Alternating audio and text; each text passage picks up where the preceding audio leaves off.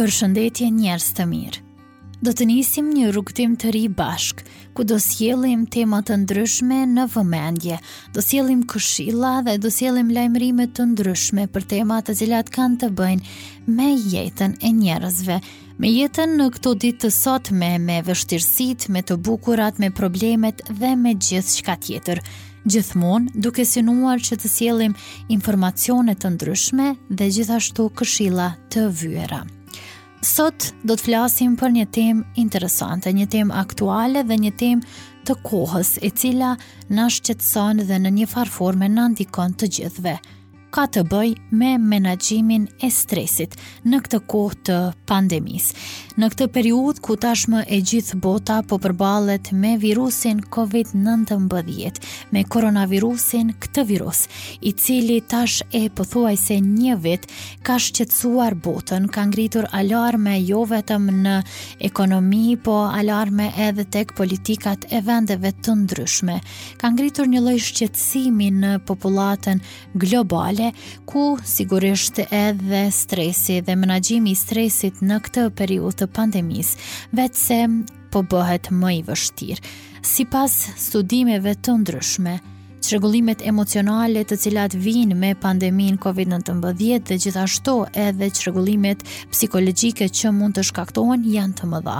Kemi qenë të gjithë të vetëdijshëm që në këtë periudhë prej kur ka nisur të përmendet fillimisht koronavirusi, pastaj lajmet e ndryshme dhe gjithçka tjetër rreth tij, kanë ngjallur shumë interesim. Njerëzit janë interesuar vazhdimisht për këtë virus i cili fillimisht ishte i panjohur, pastaj lajmet e ndryshme, shkrimet e ndryshme në mbarë botën, të cilat kanë bërë që tek njerëzit të krijohet një lloj frike nga ky virus i panjohur dhe vdekjeprurës.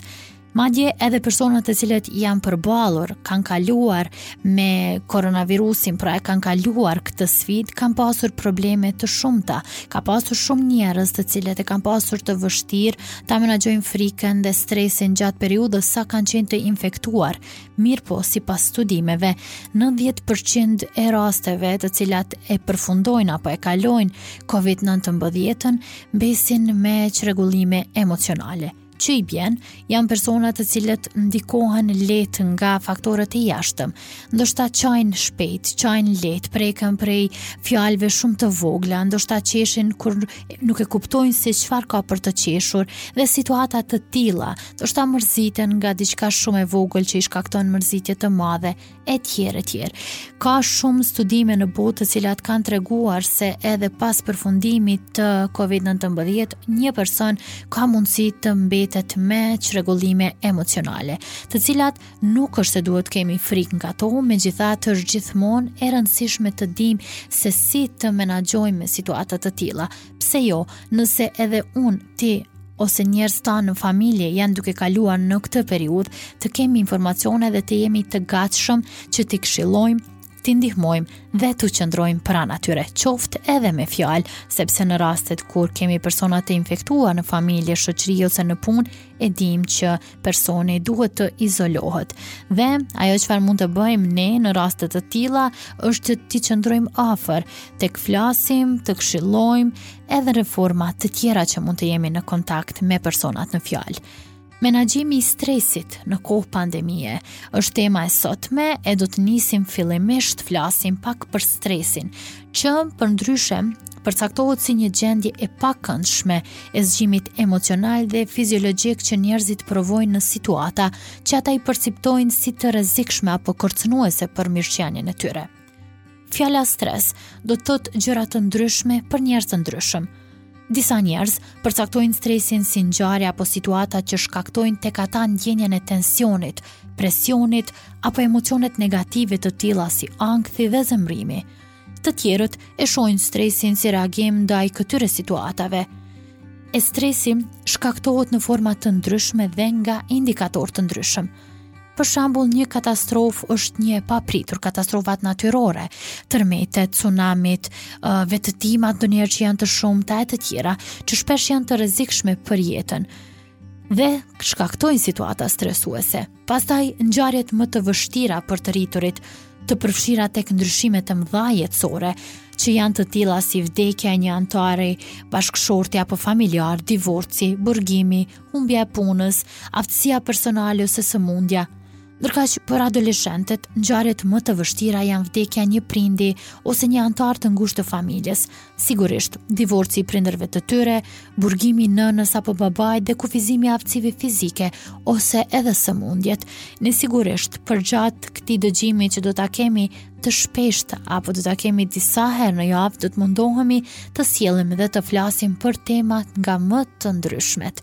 Pjesa më e madhe e stresit në jetën tonë rezulton nga të përballurit me telashet e përditshme, që lidhen me çështjet e punës, marrëdhëniet personale dhe rrethanat e përditshme të jetës. Shumë njerëz përjetojnë zënka të njëjta çdo ditë. Shembuj të telasheve të përditshme përfshijnë jetën në një lagje të zhurmshme, udhëtimi vajtje-ardhje për në punë në trafik të rënduar, i cili shumë shpesh na shkakton nervoz, por edhe një situatë stresuese ndonjëherë mospëlqimi i një kolegu, shqetësimi për para të marra borxh, pritja në një radhë të gjatë, humbja e gjërave, e tjera e tjera, pra situata të ndryshme, të cilat secilit prej neve na ndodh që t'i kalojmë në jetën tonë, në përditshmërinë tonë, dhe të cilave nuk kemi se nga t'ju ikim realisht. Kur merren individualisht, këto telashe mund të ndihen si irritues të vegjël, por me kalimin e kohës, ato mund të shkaktojnë stres shumë të rëndësishëm. Gjendja aktuale nga përhapja e virusit në vend, në vendet e rajonit dhe në mbarë botën, informimi rreth kësaj sëmundje të re dhe e frikshme, përshtatja me rregullat dhe masat disiplinore për me parandalu dhe luftu atë në një afat të shkurtë kohor, mund të ndikojnë në zhvillimin e një gjendjeje stresuese sikurse edhe ka ndikuar dhe një gjendje jo të ekuilibruar të sistemit jetësor të individit, familjes dhe gjithë shoqërisë. Individi, pra njerëzit, familja, shoqëria dhe institucionet gjenden nën presion të kohës dhe të përpjekjeve për me kriju një mekanizëm adekuat për mbrojtjen nga COVID-19.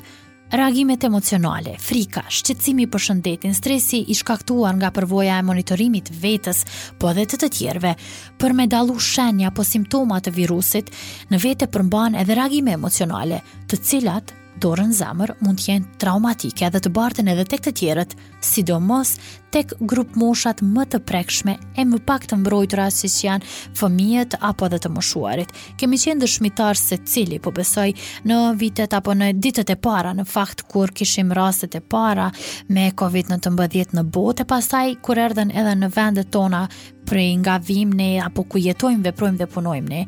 Ato diskutimet që personat më në moshë janë më të prekur, fëmijët nuk janë shumë të rrezikuar, e tjera, e tjera.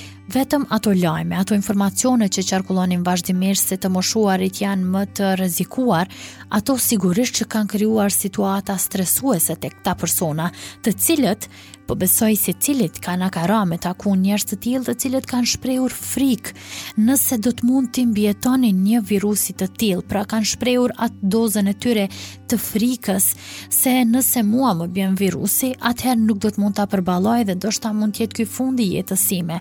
Prandaj është shumë e rëndësishme që kur flasim të mos bëjmë dallime të kategorive të caktume në mënyrë që mos të ndikojmë që ata të ndihen të themi të ndarë nga një grup i shoqërisë apo të ndihen më të rrezikuar apo të ndihen si një grup i cili janë më të predispozuar. Edhe pse kjo tashmë po dihet edhe sipas shkencës, megjithatë, ne duhet të jemi të kujdesshëm nga mënyra se si flasim, se si u drejtohemi dhe pastaj se si komunikojmë me persona të cilët janë më të rrezikuar nga virusi. Cilat janë simptomat që mundemi me i vrejt si simptoma të stresit, si mund ta kuptojmë që jemi në stres. Kemi simptoma të cilat janë të ndara dhe sipas psikologjisë, që janë simptomat emocionale, simptomat fizike dhe simptomat kognitive. Për shembull te simptomat emocionale, gjendja e shokut, mosbesimi, mpirje emocionale ose shkëputje nga ndjenjat, vështirësi me pranu ndaj asaj çfarë ka ndodhë, frikë, trishtim, pikëllim, zemërim, shpërthime emocionale, ndjenja e turpit ose fajit, Pastaj simptomat fizike janë ato të tilla si marramendjet, zbehje, plogështi, shtrëngim i stomakut, djersitje e tepërt, vështirësi në frymëmarrje e tjera e tjera. Dhe simptomat kognitive të cilat tek të cilat hyjnë vështirësitë në përqendrim, vështirësitë në kujtesë pra për të mbajtur mend, konfuzion, gjumi i tepërt ose e kundërta pagjumësi, humbje ose rritje e oreksit, konsumim i tepërt i alkoolit, nikotinës ose ilaçeve, në mënyrë që të gjejmë ndoshta ngushëllim tek këto. Mirëpo, po e kuptojmë që kemi stres, po e vrejmë që jemi të stresuar, si duhet ne të veprojmë në situata të tilla, si duhet të sillemi ne ndaj vetës dhe si duhet të sillemi ne ndaj të tjerëve të cilët mund të jenë duke kaluar nëpër faza të tilla. duke përdorur informacione të ndryshme nga revista, nga studiues, nga studime të ndryshme, do të sjellim disa prej këshillave që janë më të vyeshme në këtë periudhë dhe në këtë situatë pra për të menaxhuar me stresin në këtë kohë të pandemisë globale.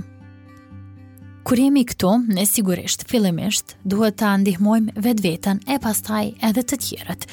se si mund ta ndihmojmë vetveten. Mendimet e përsëritura ose ndjekja e imazheve që mund të kthejnë kujtime shqetësuese prej ngjarjeve të ndryshme të së kaluarës, është mirë që t'i shmangim, pra të mposhtim sistemin nervor e duke e bërë më të vështirë mendimin e qartë të shmangni dhe të mos shihni lajme ose emisione me përmbajtje shqetësuese, të cilat e dini e keni kuptu që ndikojnë negativisht në gjendjen tuaj emocionale. Nëse ndiheni të mbingarkum, e bëni një pushim të plot nga lajmet në televizion, imazhet shqetësuese, videoklipet, nga ndjekja e mediave sociale për disa ditë ose disa javë, simptomat stresuese përderisa i keni dhe të pritni që ato të lehtësohen. Pastaj të merrni pjesë në aktivitete që ju mbajnë mendjen të zënë, është shumë shumë e këshillueshme. Të lexoni, shikoni një film, gatuani, luani me fëmijët tuaj nëse keni fëmijë jeni prindër, apo edhe të luani me fëmijët e tjerë të cilët mund t'i keni të familjes, miqve e të tjerë. Kështu që nuk do t'i kushtoni tërë energjinë dhe vëmendjen ngjarjes së kaluar traumatike. Është shumë e rëndësishme pra që të dini dhe të keni aftësi të menaxhoni atë se çka shihni në televizion, në rrjetet sociale dhe gjithçka tjetër që mundet me ardh prej um, pajisjeve të ndryshme dhe prej mediave të ndryshme. Mund të merrni një letër dhe një laps dhe në afat kohor brenda një muaji të renditni faktorët që ju stimulojnë ndjesi negative përmes shikimit dhe dëgjimit. I renditni faktorët që ju stimulojnë ndjesi pozitive përmes shikimit dhe dëgjimit. Kështu ndikoheni edhe fokusoheni pastaj vetëm tek ato të cilat i shihni ju si faktor pozitiv. Një hap tjetër për me menaxhu stresin në këtë periudhë të pandemisë është që të mos injoroni ndjenjat tuaja. Mund të duket mirë në moment për me shmang përjetimin e emocioneve, por ato ekzistojnë, pavarësisht se ju po u kushtoni vëmendje atyra apo jo. Edhe ndjenjat intensive do të kalojnë, nëse thjesht i largoni prej vetes dhe i lejoni vetes perceptimin e lirshëm të asaj që ndjeni. Stresi traumatik mundet me bo që të përjetoni të gjitha llojet e emocioneve të rënda dhe befasuse, duke përfshirë tronditjen, zemrimin, fajin, frikën e tjere tjere. E rëndësishme është që si vetja, ashtu dhe tek anëtarët e familjes e tek të tjerët, të përçoni mesazhin se nuk ka asnjë mënyrë të drejtë, të themi në thonjëza ose të gabuar për me u ndje dhe për me shpreh ndjenjat pasi të keni përjetu një situatë që ju ka prek emocionalisht dhe psikologjikisht dhe ju ka shkaktu ndoshta një stres dhe shqetësim. Pra, të ballafaqoheni me emocionet edhe kur ato dinë të jenë të dhimbshme, t'i jepni vetes kohë për me u shëru dhe të mos përpiqeni të sforconi procesin e shërimit, të jeni të durushëm me ritmin e shërimit, të jeni të përgatitur për emocione të vështira dhe të paqëndrueshme, sepse fundja, jo vetëm ju, po secili në jetën tonë, do të kalojmë, apo kalojmë, ndoshta dikush edhe është duke kaluar në të njëjtën kohë me ty në situata të tilla. është mirë që të mësoni të lidheni përsëri me emocione të pakëndshme, të dini t'i menaxhoni ato dhe të mos ndjeheni të mbingarkuar. Një mënyrë tjetër se si mund të kaloni situatën stresuese është që të kapërceni stresin duke i sfiduar ndjenjat tuaja të pafuqisë. Për shembull, t'i dedikoni kohë vullnetarizmit, të dhuroni apo të ndihmoni të tjerët. Nëse vullnetarizmi zyrtar ju tingëllon më shumë si angazhim, Mbani mend se thjesht të qenit i dobishëm dhe miqësor për të tjerët mund të japë kënaqësi, t'ju ulë nivelin e stresit edhe të sfidojë ndjenjën e pafuqisë. Prandaj provoni të ndani me të tjerët biseda për gjëra të ndryshme, aktivitete, të ndihmoni personat që i keni të afërt të pranojnë ata që ju t'i ndihmoni. Pastaj nëse keni nevojë për ndihmën dhe mbështetjen e dikujt, pse jo, të, të e kërkoni atë nga njerëz të cilët ju i konsideroni të afërt. Pastaj është shumë mirë që të lidheni me persona me cilët ndjeheni rahat dhe të sigurt, të bisedoni me ta. Ndjenja e lidhur me të tjerët dhe vetë fakti që ndani biseda me dikand mund të ndikojë që të ndjeheni të lehtësuar dhe të çliruar. Pastaj të kujdeseni për trupin dhe për shëndetin është një formë tjetër shumë e rëndësishme menaxhimit të stresit, sidomos në këtë periudhë të pandemisë. Aktiviteti fizik i kryer me vëmendje për qëndrim Gjithashtu mund të zgjojë sistemin nervor nga ndjesia e mbërthyer, themi kështu, dhe t'ju ndihmojë të largoni ngjarje traumatike. Provoni ushtrime ritmike, duke vënë në veprim krahët, këmbët dhe çdo pjesë të trupit. Përqendrohuni, vini re ndjesinë e këmbëve që godasin tokën për shembull, ose ritmin e frymëmarrjes ose ndjenjën e erës së lëkurës. Kur jemi te aktivitetet, ecja, vrapimi, noti, basketbolli, vallëzimi, apo çkado tjetër që ju mund ta shihni të dobishme, që ju e pëlqeni, ju e shijoni derisa e bëni, mund të jetë pjesë e aktiviteteve tuaja. Të rritni energjinë dhe të rritni motivimin, nëse jeni duke luftu për me gjetë energjinë ose motivimin për me ushtru Filloni duke luajtur një muzikë të preferuar dhe thjesht vallëzoni, ngriheni në këmbë, e shijoni atë moment, e shijoni muzikën, këndoni dhe kështu është një formë kjo se si mund të motivoni veten për lëvizje, për aktivitet fizik. Është mirë gjithashtu të keni kontakt dhe raport me të tjerët. Komunikimi dhe raportet me të tjerët, ndoshta në këtë kohë të pandemisë, ju mban larg komunikimi drejtpërdrejt.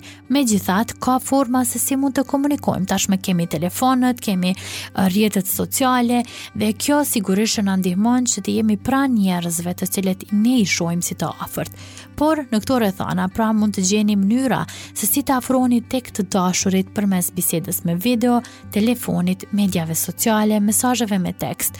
Dhe, është shumë e rëndësishme që t'ia kujtoni vetes dhe t'ia përsërisni shpesh se nuk jeni vetëm në këtë kohë. Ndërsa në rast fatkeqësie ose krize, nganjëherë nuk është gjithmonë e mundur që të shihemi me miqtë ose me të dashurit personalisht, por është shumë e rëndësishme që në urgjencë të kërkoni ndihmë edhe mbështetje profesionale, profesionistë, pra doktor, psikolog, psikiatër, neurolog, zyrtarë të urgjencës, ngase dimë që vende të ndryshme të botës apo të gjitha vendet i kanë edhe tashmë uh, numrat emergjentë për personat që kanë nevojë për ndihmë psikologjike dhe që ju ofrojnë shërbim adekuat në bazë të nevojës që e keni. Bëjani vetes prioritet uljen e stresit. Pra, kur prania e një niveli të lartë të stresit bëhet jo e menaxhueshme dhe jo e kontrollueshme, ky lloj stresi luan rol në vështirësimin e funksioneve kognitive, pra funksioneve emocionale të njeriut dhe pengon një jetesë normale. Atëherë duhet marrë seriozisht njohja dhe kuptimi, po ashtu edhe trajtimi i kësaj situate. Çka mund të ndikojë tjetër në stresin, menaxhimin e stresit? Ushqimi. Kush tjetër pos ushqimit, i cili është edhe mundem me thonë lirisht, që është një çelës kryesor jo vetëm në menaxhimin e stresit, por edhe në situata të tjera. Ushqimi që konsumoni mund të përmirësojë ose dhe përkeqësojë gjendjen shpirtërore dhe të ndikojë në aftësitë tuaja për me përballë stresin traumatik. Ushqimi me karbohidrate të rafinume mund të përkeqësojë simptomat e stresit traumatik. Në të kundërtën, një dietë e pasur me fruta, perime të freskëta, proteina me cilësi të lartë dhe yndyrna të shëndetshme, veçanërisht acide yndyrore omega 3 për shembull, mund të ndihmojë në përballimin më të mirë të gjendjes së stresit. Duke zëvendësu ushqimin e përpunu me ushqim të vërtetë e sa më afër gjendjes së tij natyrore, mund t'i përmbaheni një dietë që jo vetëm ndihmon lehtësimin e stresit, por edhe përmison nivelin energjetik. Kur jemi tek pjesa e perimeve dhe frutave natyrale, sigurisht që mund t'i zgjedhni për t'i konsumuar ato të cilat i kemi të sezonës, për shembull kungulli, gështenjat, rrushi, janë disa prej frutave dhe perimeve që janë shumë të përshtatshme për t'i konsumuar në këtë periudhë të vjeshtës. Shumë i rëndësishëm në menaxhimin e stresit është edhe gjumi, të bëni gjumë të mjaftueshëm dhe cilësor. Meqenëse mungesa e gjumit stimulon stresin në mënyrë të konsiderueshme, marrja e një pushimi cilësor pas një lodhje dhe kohë me shqetësime është thelbësore. e do t'i përmendim disa strategji që munden me ju ndihmu me përmisu uh, gjumin. Këto strategji të cilat vijnë nga psikologë të ndryshëm. Për shembull, të shkoni për të fjetur dhe të ngriheni në të njëjtën kohë çdo ditë, të shmangni kafeinën pasdite ose në mbrëmje, të bëni diçka duke pushu përpara gjumit, si të dëgjoni muzikë qetsuse, të lexoni një libër, ose edhe kush e pëlqen meditimin është shumë i këshillushëm. Të bëni dhomën tuaj të gjumit sa më të qetë, të errët dhe qetsuse, të bëni stërvitje të rregullt, por jo shumë afër gjumit. Dhe sigurisht um, të kërkoni ndihmë në çdo moment kur ju ndjeni se keni nevojë për ndihmë. Stresi traumatik që nuk është duke u përmirësu që mund të kalojë në çrregullim, i përfshin disa raste, për shembull, nëse kanë kaluar 6 javë dhe nuk ndiheni mirë, nëse keni probleme për me funksionu në punë, shtëpi e të tjerë, nëse jeni të duke përjetu kujtime të frikshme, makth e tjerë e tjerë. Është mirë e larg qoftë situatat që mundën me qenë traumatike, të kërkoni ndihmën e profesionistëve në mënyrë që situata e tillë të jetë sa më e menaxhueshme. E disa pika krejt në fund që mund t'ju ndihmojnë kundër stresit dhe largimit nga mendimet negative dhe që e lehtëson të qëndruarit në shtëpi janë këto. Komunikoni me të dashurit tuaj, të falni sa më shumë dashuri edhe në distancë, të hani shëndetshëm, të pini çaj kamomil, lexoni libra, revista të paktën 30 minuta në ditë. Shikoni filma që keni planifiku, por që nuk keni pas kohë. Të flini 8 orë të merrni rrezet e diellit atëherë kur ka diell, sepse mund të ketë, mund edhe mos të ketë në ndonjë ditë, të meditoni çdo ditë për 10 minuta, Dhe nëse nuk dini të meditoni, atëherë mund të informoheni përmes programeve të ndryshme këshillat se si mund të meditoni, ose ndonjëherë do ta kemi edhe ne meditimin si pjesë të veçantë të bisedave të përbashkëta, të pini sa më shumë ujë të ushtroni. Dhe krejt në fund, një studim i publikuar tek Journal of Proteome Research ka zbulu se konsumimi i një çokollate të zezë 40 gram në ditë për 2 javë ndihmon për me ul hormonet e stresit tek njerëzit. Kështu që nëse jeni fans i çokollatës, atëherë konsumoni një çokollatë të zezë, pra mos harroni 40 gram në ditë për 2 javë për të ulur hormonet e stresit tek njerëzit. Situata me pandeminë po shkon drejt përkeqësimit. Megjithatë, ne kemi në dorë kontrollimin e ndjenjave, emocioneve tona, gjithashtu kemi në dorë edhe menaxhimin e kontakteve, kujdesin ndaj vetes, familjarëve dhe njerëzve të tjerë të cilët i kemi përreth. Prandaj, në fund po e mbyllim me këtë mesazh. Jeni të kujdesshëm për veten, familjen, shokët, shoqet, punëtorët, kolegët dhe gjithë ata me cilët ju jetoni, punoni, veproni dhe kontaktoni në përditshmërinë tuaj. Kjo situatë do të kalojë shumë shpejt dhe gjithçka do t'i kthehet normalitetit. E rëndësishme është që ta duam veten.